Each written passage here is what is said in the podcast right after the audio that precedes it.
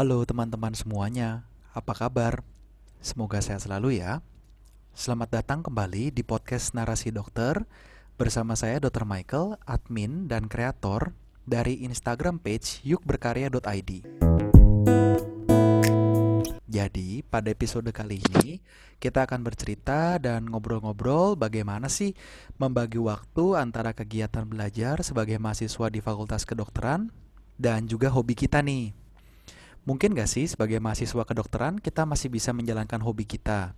Atau malah waktu kita sudah habis nih hanya untuk mengurusi urusan perkuliahan saja? Apakah waktu 24 jam sehari itu kurang atau malah lebih dari cukup nih? Hobi-hobi apa saja kah yang bisa kita jalankan selama di kedokteran ini? Apakah menjalankan hobi itu adalah hal yang baik atau malah buang-buang waktu saja? Nah, untuk mempersingkat waktu, saya sudah kehadiran seorang teman saya, teman baik saya, sama-sama dari Jakarta, hanya saja beda sekolah. Obviously karena sekolah saya cowok semua ya. Nah, beliau dulu alumni dari SMAK 7, sedangkan saya dari Kolose Canisius. Beliau yang saya tahu sangat hobi dan sangat aktif di forum debat, bahkan menjadi salah satu member dan anggota yang paling aktif di UDF atau Undip Debating Forum. Namun dengan segala kesibukan, beliau masih lulus dengan prestasi yang cum laude sangat memuaskan dan tetap mempunyai karir akademik yang gemilang. Beliau adalah Dr. Frederica Vania. Halo, Dok. Van. Halo, Dokter. Hai. Oke, saya panggil Vania aja ya. Oke. Okay. Oke. So, selamat malam, selamat sore. Terima kasih sudah mau meluangkan waktunya untuk hadir di podcast saya ya. Sama-sama. Thank you for having me. Oke, okay, so uh, mungkin Vania, Dokter Vania bisa memperkenalkan diri dulu nih kepada para pendengar semuanya.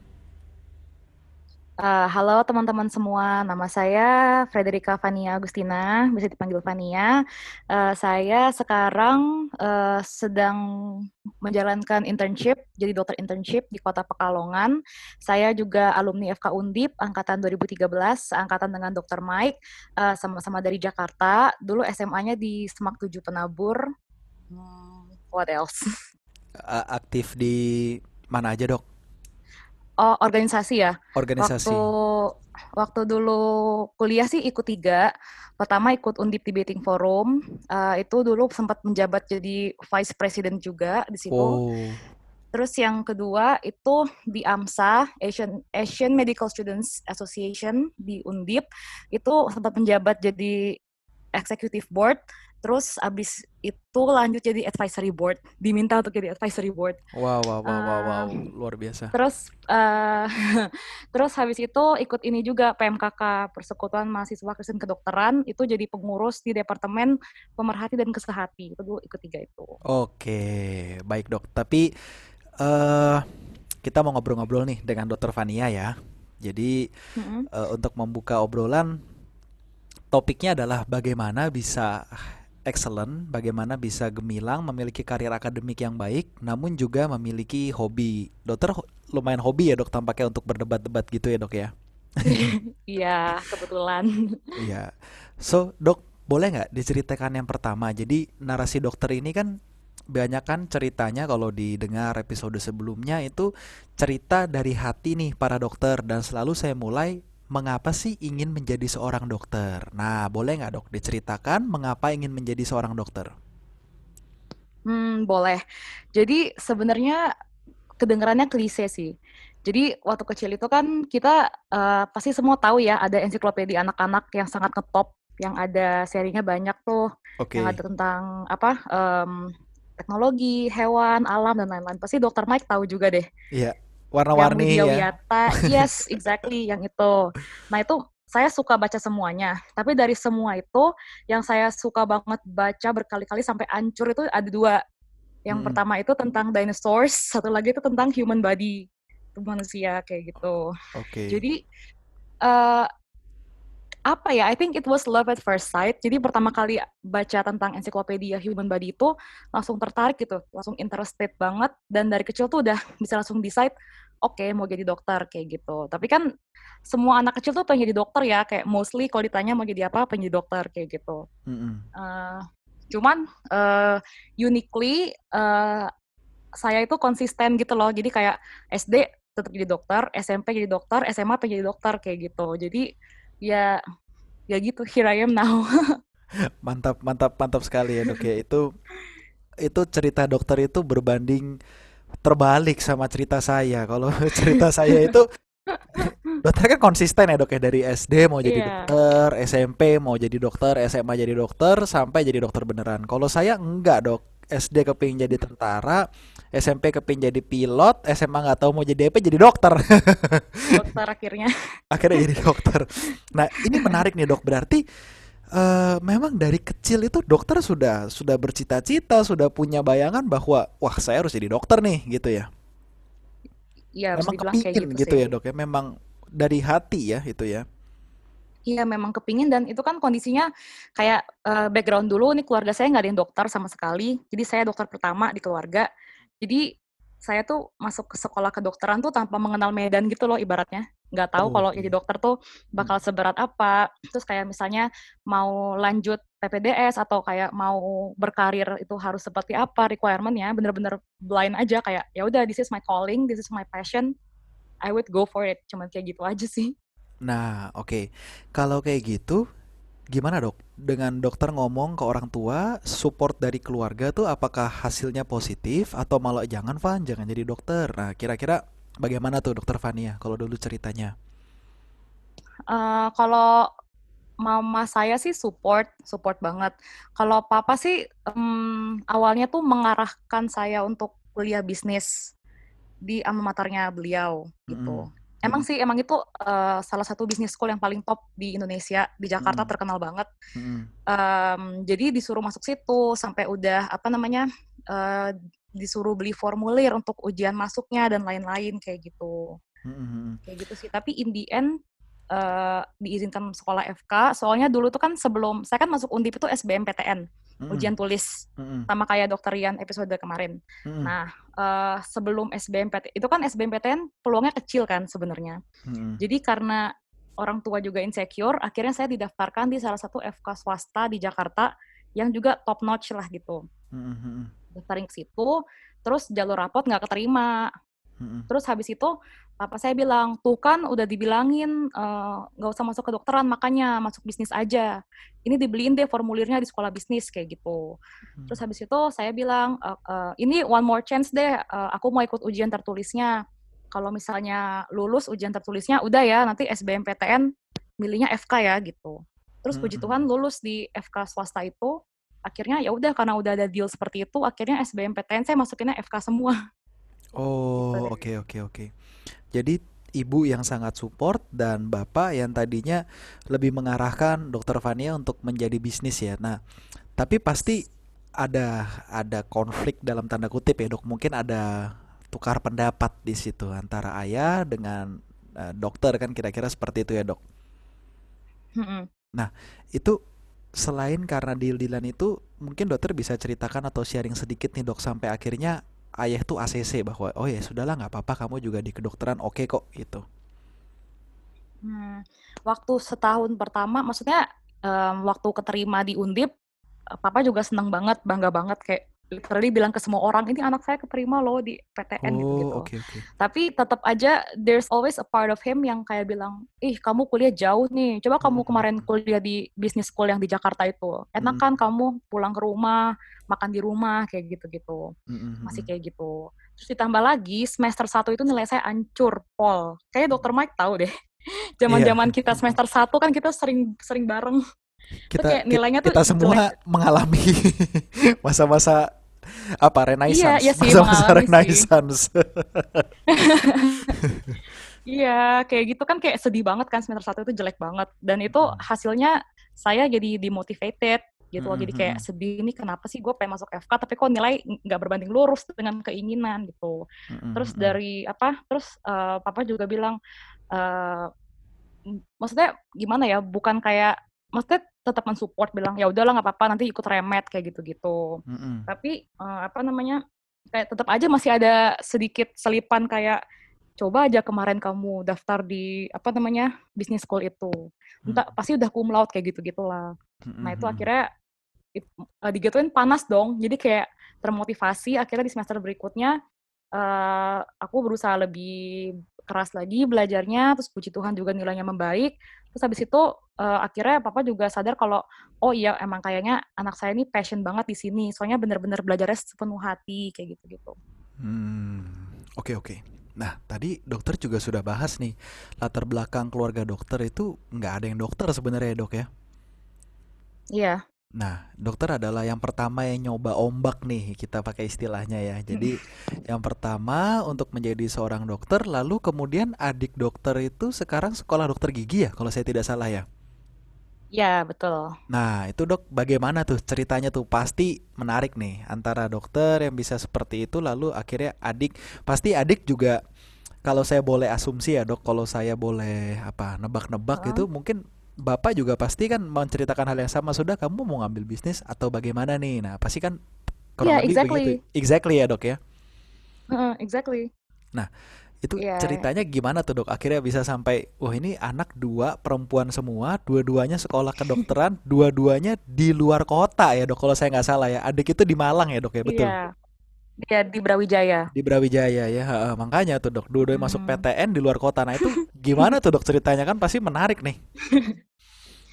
iya, jadi kalau Ade itu kan basically dia tuh beda sama saya. Kalau dia tuh sukanya kayak gambar, seni. Pokoknya anaknya artsy banget lah kayak gitu. Okay. Kalau aku tuh lebih baca, lebih suka baca gitu-gitu anaknya. Lebih scientific lebih nerd ya, lah. ya? lebih I would say lebih nerd. Oke. Oke. nah, terus uh, Ade tuh awalnya pengen ngambil desain grafis deh kalau nggak salah, desain okay. grafis. Tapi orang tua tuh nggak ACC. Soalnya uh, mikirnya kayak aduh kalau soalnya ini kan this is a while ago ya beberapa beberapa tahun yang lalu kan di Indonesia kayak belum sebesar sekarang prospek untuk desain desainer grafis hmm. kayak gitu jadi orang tua juga bilang aduh nanti prospek kamu susah kalau kamu jadi desainer grafis gitu hmm. Hmm. nah terus habis itu ada bilang ya udah deh arsitek aja gitu awalnya orang tua ACC oh ya udah boleh deh kalau arsitek gitu soalnya kan lebih lebih prospek kayak gitu nah hmm. eh, tapi pas ngelihat saya di FK puji Tuhannya doing well, doing better gitu. Terus orang tua bilang, kamu gak mau FK aja tuh kakak kamu FK kayak gitu-gitu. Hmm. Nah sedangkan adik saya tuh gak mau karena adik saya tuh jiwanya kan art gitu kan. Hmm. Jadi tetap pingin yang dia bisa gambar, dia bisa create something kayak gitu-gitu pengennya. Hmm. Akhirnya jalan tengah. Dokter-dokter apa yang ada artnya, ada bikin-bikin bergigi, udah.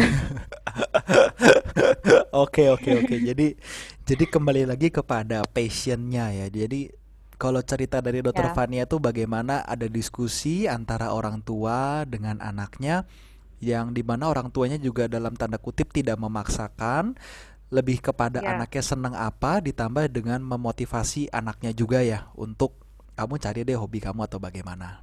Nah, dok. Iya, puji Tuhan sih kayak gitu. Nah, syukur kepada Allah, dok.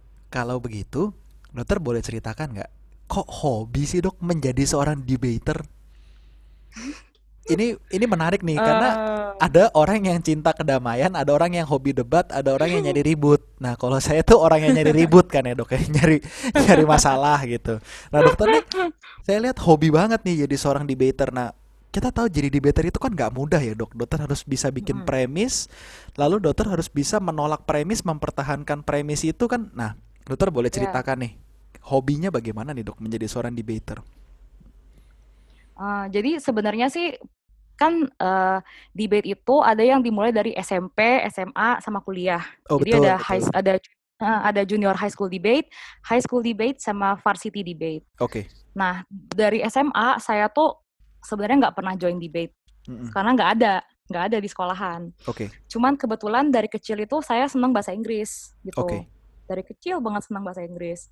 Nah, terus karena nah terus waktu PMB di Undip itu tuh saya inget banget kakak kelas kita dokter Priscilla itu presentasi kan di antara maba-maba. Soalnya hmm. kebetulan dokter Priscilla ini juga berprestasi di UDF di hmm. debate hmm. Hmm. gitu.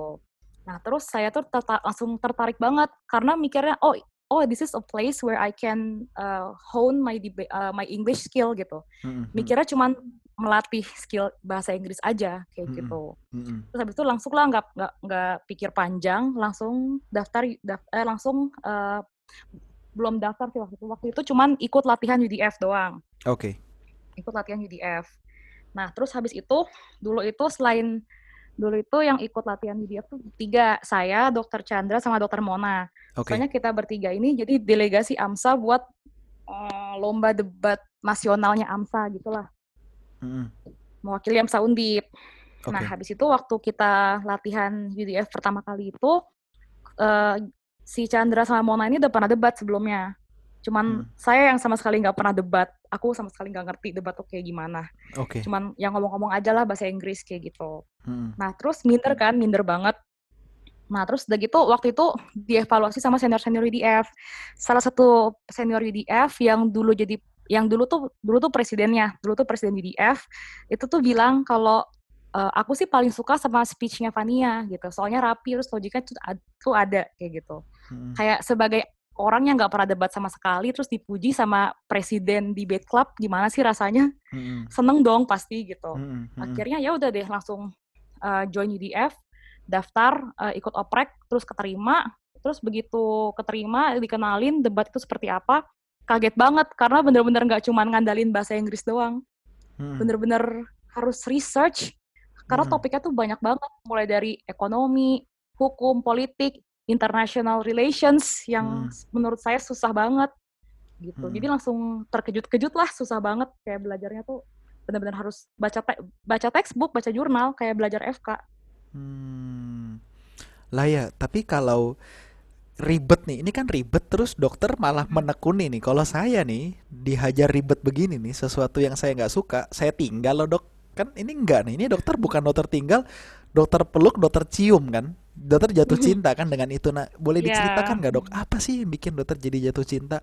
Pasti lebih lah daripada sekedar dipuji atau apa. Pasti ada hal lebih lah oh iyalah pastilah uh, karena apa ya karena menurut saya the beauty of debate itu kita benar-benar dilatih banget critical thinking benar-benar dilatih banget untuk menganalisa tuh benar-benar step by step gitu loh hmm benar-benar harus urut harus harus step by step harus detail dan apa yang kita omongin itu harus make sense gitu loh. Hmm. Kayak percuma kita bikin argumen bagus, pakai data bla bla bla, tapi nggak make sense kayak gitu.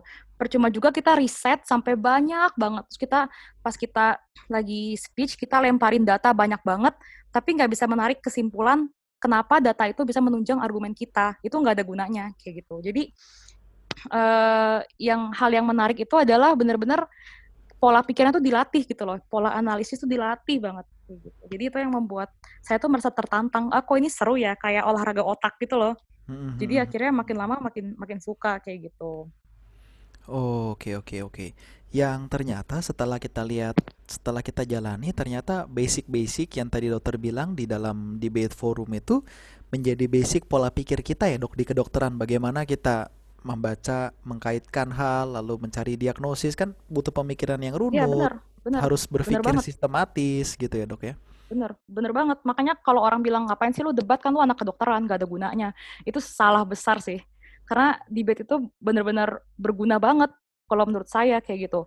Kita kalau bikin laporan kasus itu kan harus step by step juga. Betul. Gak mungkin dong kita dari definisi penyakit langsung uh, sign and symptoms nggak mungkin. Pasti kan ngomongin patofisiologinya dulu dan lain dan lain sebagainya gitu-gitu.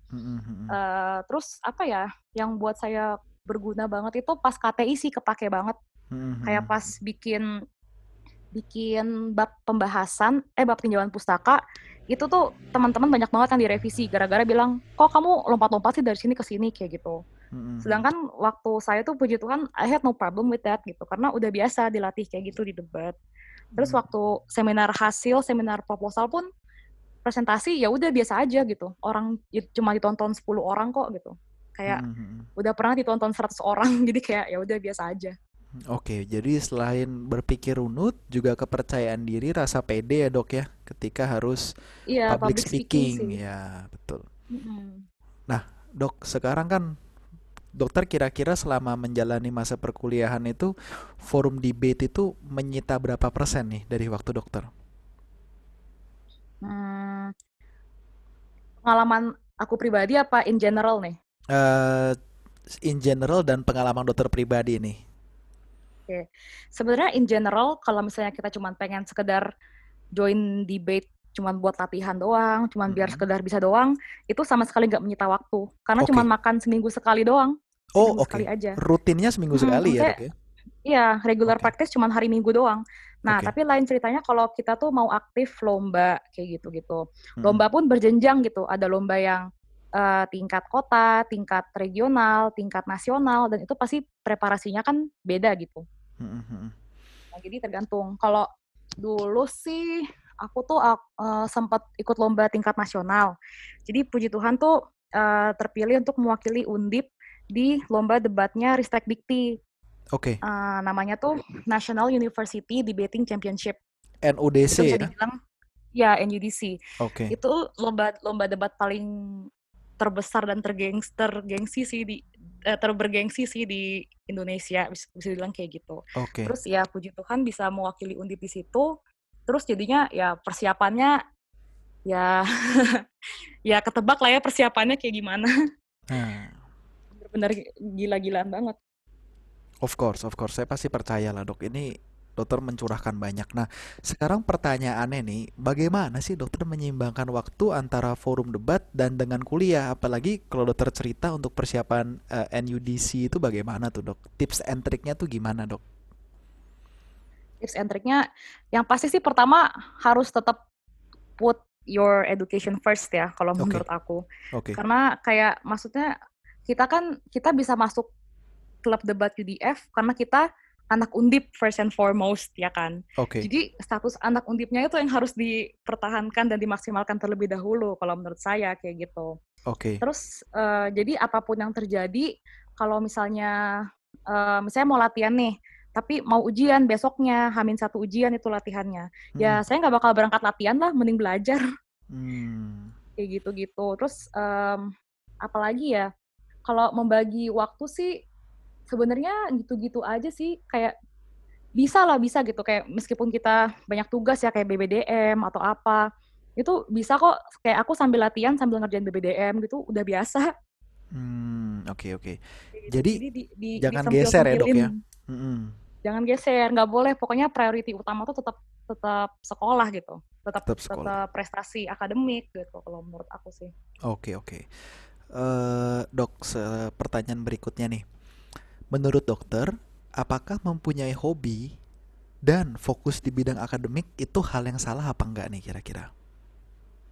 Enggak lah karena menurut aku di untuk survive di dunia kedokteran ini kalau kita nggak punya hobi yang di luar kedokteran itu kayak bakal sangat apa ya exhausting gitu. Bakal gampang banget burnoutnya. Iya kayak maksudnya kan kita kuliah aja udah berat terus uh, kita uh, setelah lelah dengan perkuliahan mau lari ke mana kalau nggak punya hobi kan burnout gitu bener juga bingung juga ya mau ke mana lari mentok juga iya, iya betul Hmm. Hidup tuh harus balance, cie. Waduh. ya, betul nih dok. Nah, terus tadi dokter sudah cerita ya, yang lebih dominan tentu saja harus kuliah ya dok ya. Ya. Nah, lalu hobi itu harus yang seperti apa dok sebaiknya? Hobi, hmm, sebenarnya hobi itu bebas sih tergantung masing-masing orang. Jadi, jadi I cannot speak for everyone. Tapi okay. kalau buat saya pribadi sih, ya hobi itu kalau bisa yang membangun lah gitu loh okay. Gak harus membangun in, in a sense bisa dapat uh, prestasi sertifikat atau mungkin dapat honor dari hobi itu tapi yang penting gimana hobi itu bisa membuat kita tuh berkembang gitu loh membuat kita tuh develop improve kayak gitu gitu sih hmm. Ngomong-ngomong soal hobi yang berkembang improve dan macam-macam Nah, saya sempat baca nih postingan dokter di Instagram waktu dokter jadi juri ya dok ya, juri lomba debat. Itu juri, oh ya, juri NUDC betul. Uh, uh, pernah sih pernah jadi juri NUDC. Nah itu macam-macam sih. Itu boleh nggak dok sedikit di sharing tuh bagaimana pengalamannya, bagaimana perjalanan karirnya sampai bisa jadi juri, lalu uh, dengan juri itu tentunya pasti ada dapat tambahan kan dok, tambahan ilmu, tambahan sosial maupun tambahan penghasilan. Nah itu Gimana ya. tuh dok? Boleh tolong di-sharing nggak sama kita? Uh, Oke, okay. jadi kalau di debat itu, kalau mau jadi juri itu ada akre ada akreditasinya.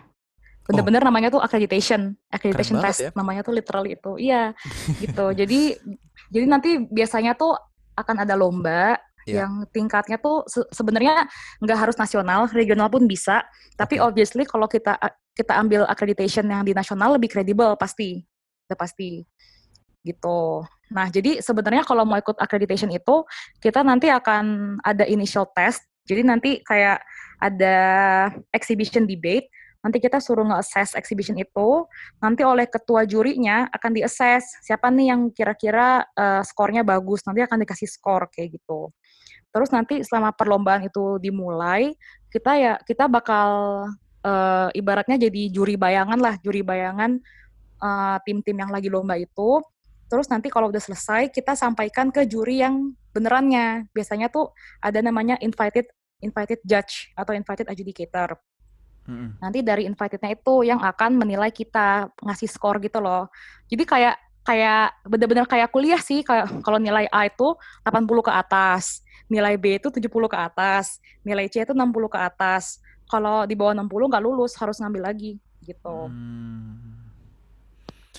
Gitu okay, sih. Okay. Jadi nah, nah itu... yang susah itu adalah hmm? gimana? Monggo dokter silakan lanjutkan cerita. Oh ya, sorry. Jadi yang susah itu adalah gimana kita sampai di titik kita bisa ngejuriin orang. Karena kadang kita untuk debatnya sendiri aja kan belum tentu menang terus kayak gitu-gitu kan. Belum hmm. tentu juga kita mudeng semua topik gitu-gitu.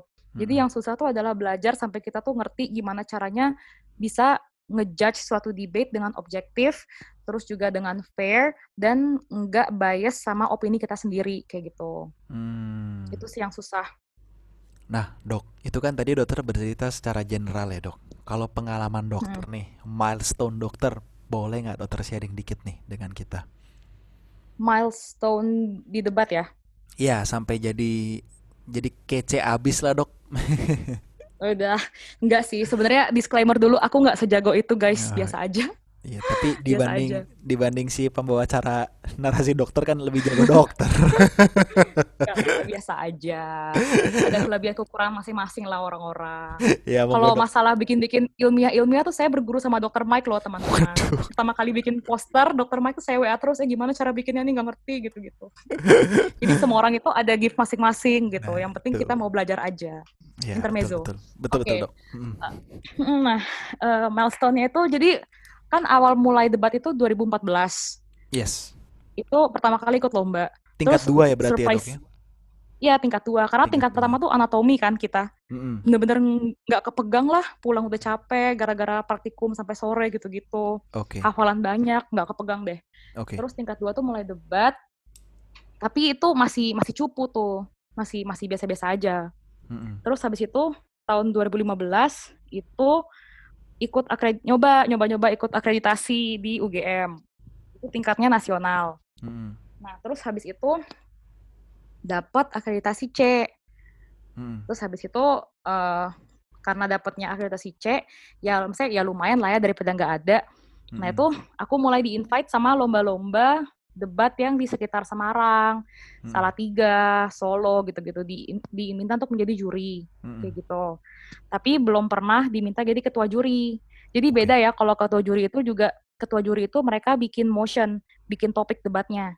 Oh, gitu. oke. Okay. Uh, kalau kalau juri biasa cuman di invite untuk ngejuri di hari H kayak gitu. Tapi kalau hmm. ketua juri atau uh, adjudication core itu mereka di balik layar bikin mosi, gitu-gitu bikin tabulasi skor apa speaker skor gitu-gitu hmm. terus tahun 2016 itu kan uh, saya mewakili undip di NUDC hmm. nah itu uh, eh, NUDC itu juga sebenarnya seleksinya nggak mudah jadi seleksinya tuh berlapis-lapis dari tingkat fakultas universitas provinsi diseleksi lagi terus baru ke nasional kayak gitu hmm. Hmm. Jadi udah lumayan dikenal orang karena kebetulan itu puji Tuhan saya dapat top 10 best speaker juga Mm-hmm. Tuh. Jadi jadi kayak orang udah mulai kenal. Terus saya apply jadi juri undangan di lomba nasional namanya Jovet waktu itu apa ya Java Overland Varsities English Debate hmm. itu nggak dibayar sepeser pun nggak dibayar hmm. sepeser pun cuma dikasih uang transport doang itu juga nggak full kayak gitu hmm. cuman kalau bisa jadi invited adjudicator di situ fungsinya gede gitu hmm. Hmm. bakal dikenal orang kayak gitu terus saya ikut saya keterima jadi invited judge di situ terus uh, akreditasinya naik jadi B.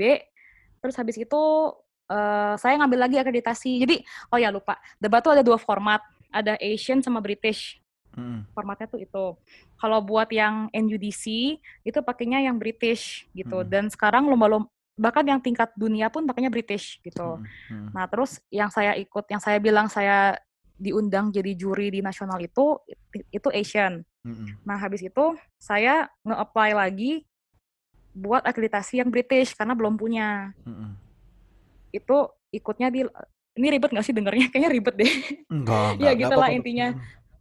Nah itu uh, saya keterima apa saya nge-apply lagi ikut lomba nasional di UI. Mm-hmm. Jadi ini lomba nasional yang alumni pun bisa ikut kayak gitu-gitu. Mm-hmm. Nah terus itu one shot juga puji Tuhan langsung lolos dapat akreditasi B. Mm-hmm. Nah terus habis itu karena itu lomba yang saya ikutin itu namanya Founders Trophy itu lomba yang bergengsi banget kayak gitu. Mm-hmm. Jadi uh, orang-orang tuh mulai tahu oh si Fania nih punya akreditasi B lombanya dari Founders Trophy lagi bagus nih pakai pakai aja kayak gitu mm-hmm. jadi mulai deh di invite invite invite invite apa banyak dapat orderan gitulah mm-hmm. nah terus uh, tapi kan nggak selalu bisa diiakan kan gara-gara koas eh gara-gara persiapan koas kayak gitu-gitu mm-hmm. jadi ya saya ngambilnya yang bisa-bisa aja lah gitu kalau yang NUDC itu, nah ini akhirnya NUDC ini sampai sampai di NUDC di jadi juri NUDC ini sebenarnya aku tuh udah diminta jadi invited judge NUDC Jateng itu dari tahun 2017. 2017 kan 16 saya lomba, 17 saya diminti diundang tapi koas bedah, koas bedah inget banget tuh koas bedah jadi nggak bisa. Terus 2018 diundang lagi nggak bisa juga karena koas IKM terus 2019 setelah lulus baru bisa gitu. Sampai situ jadi kayak ya banyak sih gitu kayak lika-likunya. Hmm, tapi semoga nggak pusing yang denger ya guys tapi poinnya adalah dokter Fania ini tidak langsung mendadak on top ya. Jadi apa pun yang dokter sudah capai dari sekarang itu perjuangannya dimulai dari nothing dari zero ya. Iya, dari nothing. Da dari nothing. Tapi uh, poinnya adalah kalau kamu punya hobi, poinnya yang pertama itu adalah kalau kamu punya hobi ya tekunin aja dengan baik. Siapa tahu hobi itu bisa menghasilkan gitu ya dok ya kira-kira ya dok? Iya benar sih. Dan maksudnya jangan fokus ke whether or not this hobby can make make me money tapi okay. uh, eh, fokusnya tuh ke improvement dulu deh kayak how can this hobby make make me a better person itu dulu okay. kalau dapat dapat uh, penghasilan mah itu bonus lah ya mungkin bisa dibilang kayak gitu. Oke, jadi orientasinya malah jangan jangan pikirkan hobi ini akan menghasilkan dulu ya. Iya benar. Jadi mm-hmm. uh, soalnya saya tuh percaya kalau kalau kita tuh really good at something, orang itu people will be willing to pay us for that gitu loh. Oke. Okay. Jadi ya gimana cara jadi kayak nggak make sense aja kalau misalnya aku pengen coba ah buka misalnya jasa translate tapi bahasa Inggris aja nggak bagus terus kayak kita berharap dibayar mahal yang nggak mungkin lah kayak gitu, mm -hmm. gitu. Nah, jadi dok. kayak tekunin dulu sampai jago oke okay. nah pertanyaan lagi nih itu saya hmm. percaya dalam menat menata karir, meniti karir itu di bidang hobi, di bidang debat, itu kan dokter paling tidak ada ongkos transportnya dong, pasti wirawiri. Nah itu yeah. orang tua yeah. lebih ke arah mendukung. Udah Van, apa pun yang terjadi, kamu mau apa, uh, papi dan mami akan dukung atau buat apa gitu. Nah itu yang mana tuh dok, kira-kira dok? Awalnya sih buat apa gitu-gitu. Okay. Yang buat apa awalnya gitu. Makanya awal-awal tuh karir saya Iya, makanya awal-awal tuh karir aku nggak bisa berkembang karena cuman bisanya sekitar Semarang doang. Semarang, Salatiga yang ongkosnya cuman sepuluh ribu naik bis gitu-gitu, yang murah-murah. Oke. Okay. Nah, nah tapi uh, semakin lama semakin nunjukin interest, terus juga ada puji Tuhan ada achievement juga. Mm -hmm. Akhirnya uh, orang tua juga bilang ya udah deh boleh apa namanya uh, kalau misalnya butuh tiket ke mana disponsorin nggak apa-apa. Tapi IPK harus tetap bagus ya digituin. Oh. Itu yang bahkan yang waktu saya ikut lomba NUDC sebagai peserta tuh juga kan tahun 2016 ya. Yeah. Itu tuh bareng sama skripsi. Terus itu di semester 6, yang mana tuh mod modul 61 itu ilmu anak ya kalau nggak salah. Objin. 62 itu 61 uh, objin, iya, 62 kan anak. anak objin. Mm -hmm. Nah, ya 63 kan interna kan. Kayak bener-bener yang tiga, tiga bidang yang tiga bidang yang klinis banget mm -hmm. kayak gitu. Mm -hmm. Jadi ya gitulah semester 6 tuh susah banget balance-nya. Soalnya uh, orang tua juga wanti-wanti, ini kamu udah lomba sampai ke tingkat nasional, kalau sampai IPK kamu jeblok semester ini, jangan sampai pokoknya jangan sampai digituin. Gak boleh debat lagi kalau semester ini IPK-nya jeblok digituin. Mm -hmm. Jadi sebenarnya kalau saya lihat semua orang tua tuh pasti sama ya dok ya. Semua orang tua tuh pasti iya. Siapa pun anaknya pasti yang pertama khawatir, takut apakah anaknya akan lebih fokus ke hobinya atau meninggalkan kedokteran. Bahkan kalau di pengalaman saya ikut lomba-lomba itu dok, wah itu kalau nggak ada hmm? achievementnya sih eh, pasti mentok juga tuh dok. Jadi benar juga ya dokter cerita harus ada achievementnya dulu baru orang tua. Oh ya, ya oke okay, gitu. Jadi ada yang mancing hmm, ya bener. dalam tanda kutip ya dok ya, kepincut dulu orang tuanya. Benar, karena kalau menurut saya tuh achievement itu sedikit banyak reflektif terhadap keberhasilan kita. Maksudnya ke betul. apa? Sorry, keseriusan, keseriusan kita. Ya. Iya, kita beneran nekunin gak sih gitu? Maksudnya of course it's not the only parameter ya. Jadi jang, jangan sampai jadi orang yang achievement oriented juga. Mm-hmm. Tapi maksudnya kalau kita benar-benar tekun, kita benar-benar passion, itu kan pasti eventually ada buahnya gitu loh. Betul betul. Nah, betul, gitu. saya Jadi setuju. buahnya itulah yang bisa yang bisa merayu orang tua kayak oh ternyata anak gua passion banget nih di sini. Ternyata dia bisa kok kayak gitu-gitu. Mm-hmm. Betul betul betul sekali, Dok. Nah, ini pertanyaan kedua pamungkas. Nah, okay. pertanyaannya begini. Okay. Menurut dokter, mahasiswa kedokteran yang ideal yang ideal dalam hal ini adalah antara akademik dengan hobi itu seperti apa ya, Dok ya? Yang ideal itu yang tahu diri menurut aku. Yang tahu diri. Tahu diri mhm. in a sense tahu kapasitas.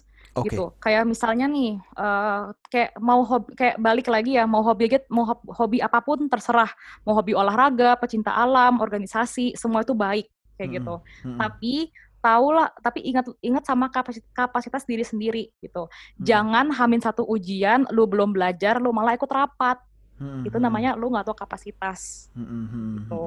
The end of the day pasti akademik terbengkalai kayak gitu loh. Hmm. Terus kayak misalnya jangan ja, jangan sampai kita akademik aja keteteran, kayak kita struggling banget, terus kita ikut organisasi sampai tiga, ya makin hmm. keteteran lah kayak gitu kan pasti. Hmm. Jadi yang penting whatever you wanna do itu semua baik gitu tapi yang penting know your limit know your capacity itu sih yang ideal menurut aku hmm ya setuju ya dok ya jadi yang penting adalah kembali lagi ke premis yang pertama organis tidak ada organisasi tidak ada hobi yang jelek. Semua baik ya dok ya? Iya. Semua baik. Tapi bagaimana kita bisa uh, tahu dengan kapasitas kita supaya tidak over capacity ya dok ya? Nanti fatigue juga lama-lama. Iya benar, karena kayak menurut saya uh, mahasiswa yang dia pegang organi dia misalnya jadi ketua organis jadi petinggi di tiga organisasi, tapi dia akademiknya ketinggalan. Itu tidak lebih keren dibandingkan orang yang akademiknya lancar tapi dia nggak ikut apa-apa. Hmm, gitu. baik, Karena baik, berarti baik, dia baik, tahu kapasitas baik. dia dia tahu kapasitas dia gitu. Oke oke oke oke oke. Nah mantap, dok ini nggak nggak sadar sudah nyari satu jam ya kita bercerita ya dok ya iya ya. Ini menarik sekali, panjang sekali ceritanya dan luar biasa inspiring nih buat saya saja. Uh, luar biasa apa ya memberikan insight, memberikan semangat yang baru buat saya. Nah, Dok, ini ada tugas terakhir bukan tugas ya, apa sebutannya? Ada satu uh, saya minta dokter untuk memberikan pesan dong, Dok, buat uh, tiga kelompok. Kembali lagi kelompok yang pertama adalah orang-orang yang di akhir SMA yang mendengarkan podcast ini dan mau sekolah kedokteran. Kelompok hmm. kedua buat teman-teman adik-adik yang lagi di kedokteran, baik itu mahasiswa di poliklinik ataupun mahasiswa koas. Dan hmm. yang ketiga uh, buat kita nih dok, buat teman sejawat kita atau mungkin buat para senior. Kira-kira dokter ada pesan apa dok? Monggo. Uh, kalau buat adik-adik yang masih SMA terus mau kuliah FK, yeah. hmm, I'm not gonna lie to you, sekolah FK tuh susah, berat dan gak enak jadi sebelum masuk, be sure that it's what you want to do for the rest of your life. Oke. Okay. Gitu. Karena kayak begitu kita udah masuk kecemplung di FK nih, there is no turning back. Hmm. Kalau hmm. kalau misalnya kita ngambil yang lain, misalnya kita kuliahnya komunikasi, terus ujung-ujungnya kerja di bank, masih bisa kan. Hmm. Tapi kalau kuliah FK, kerjanya di kerjanya sebagai apa? Jadi dokter kan gitu. Hmm. Jadi sebelum sebelum kamu mendaftarkan dirimu ke mana pun FK yang kamu mau, itu make sure that it's what you want to do for the rest of your life. Gitu. Hmm. ya banyak-banyak berdoa juga sih minta petunjuk sama Tuhan apakah ini benar-benar uh, jalan hidupmu atau bukan kayak gitu gitu. Oke. Okay. Itu yang buat yang SMA. Itu aja sih yang buat SMA. Oke. Okay. Kalau yang buat uh, preklinik apa ya?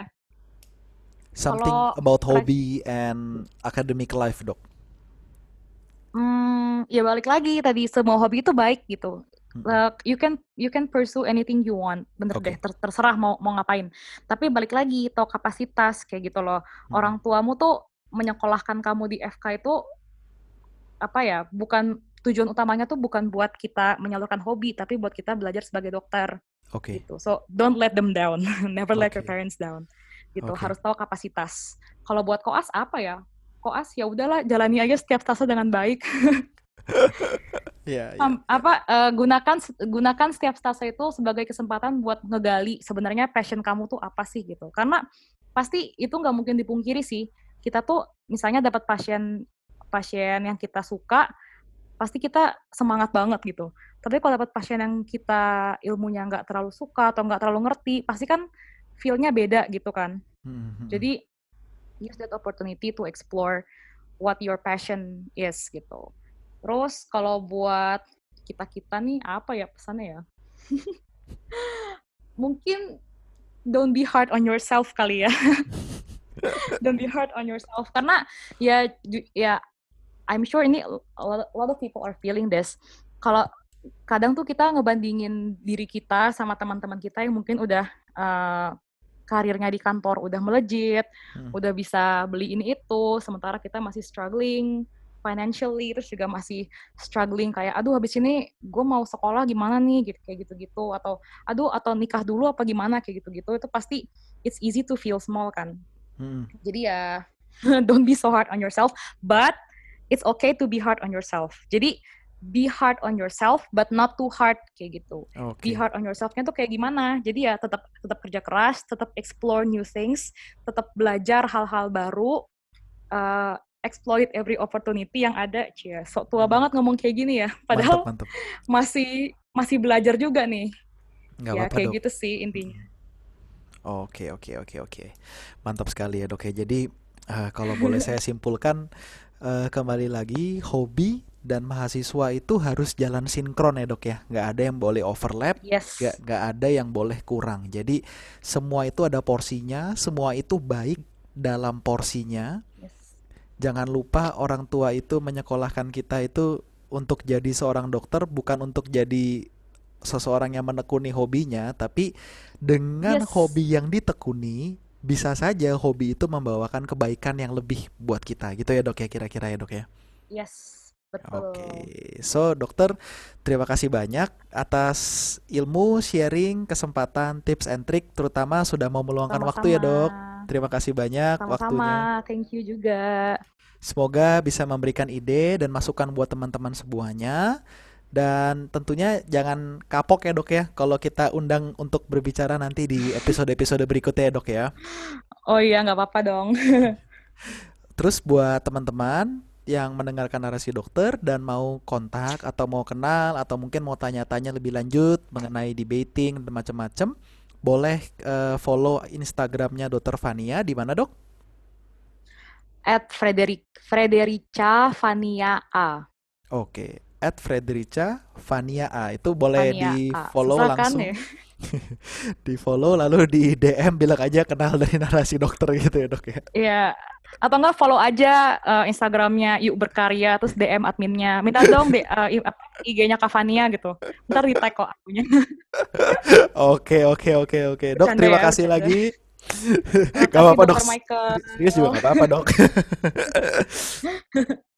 Terima kasih ya dok ya. Semoga bisa terus menjadi ide, semangat, dan hiburan buat teman-teman semuanya. Salam sehat selalu. Amin. Salam sehat.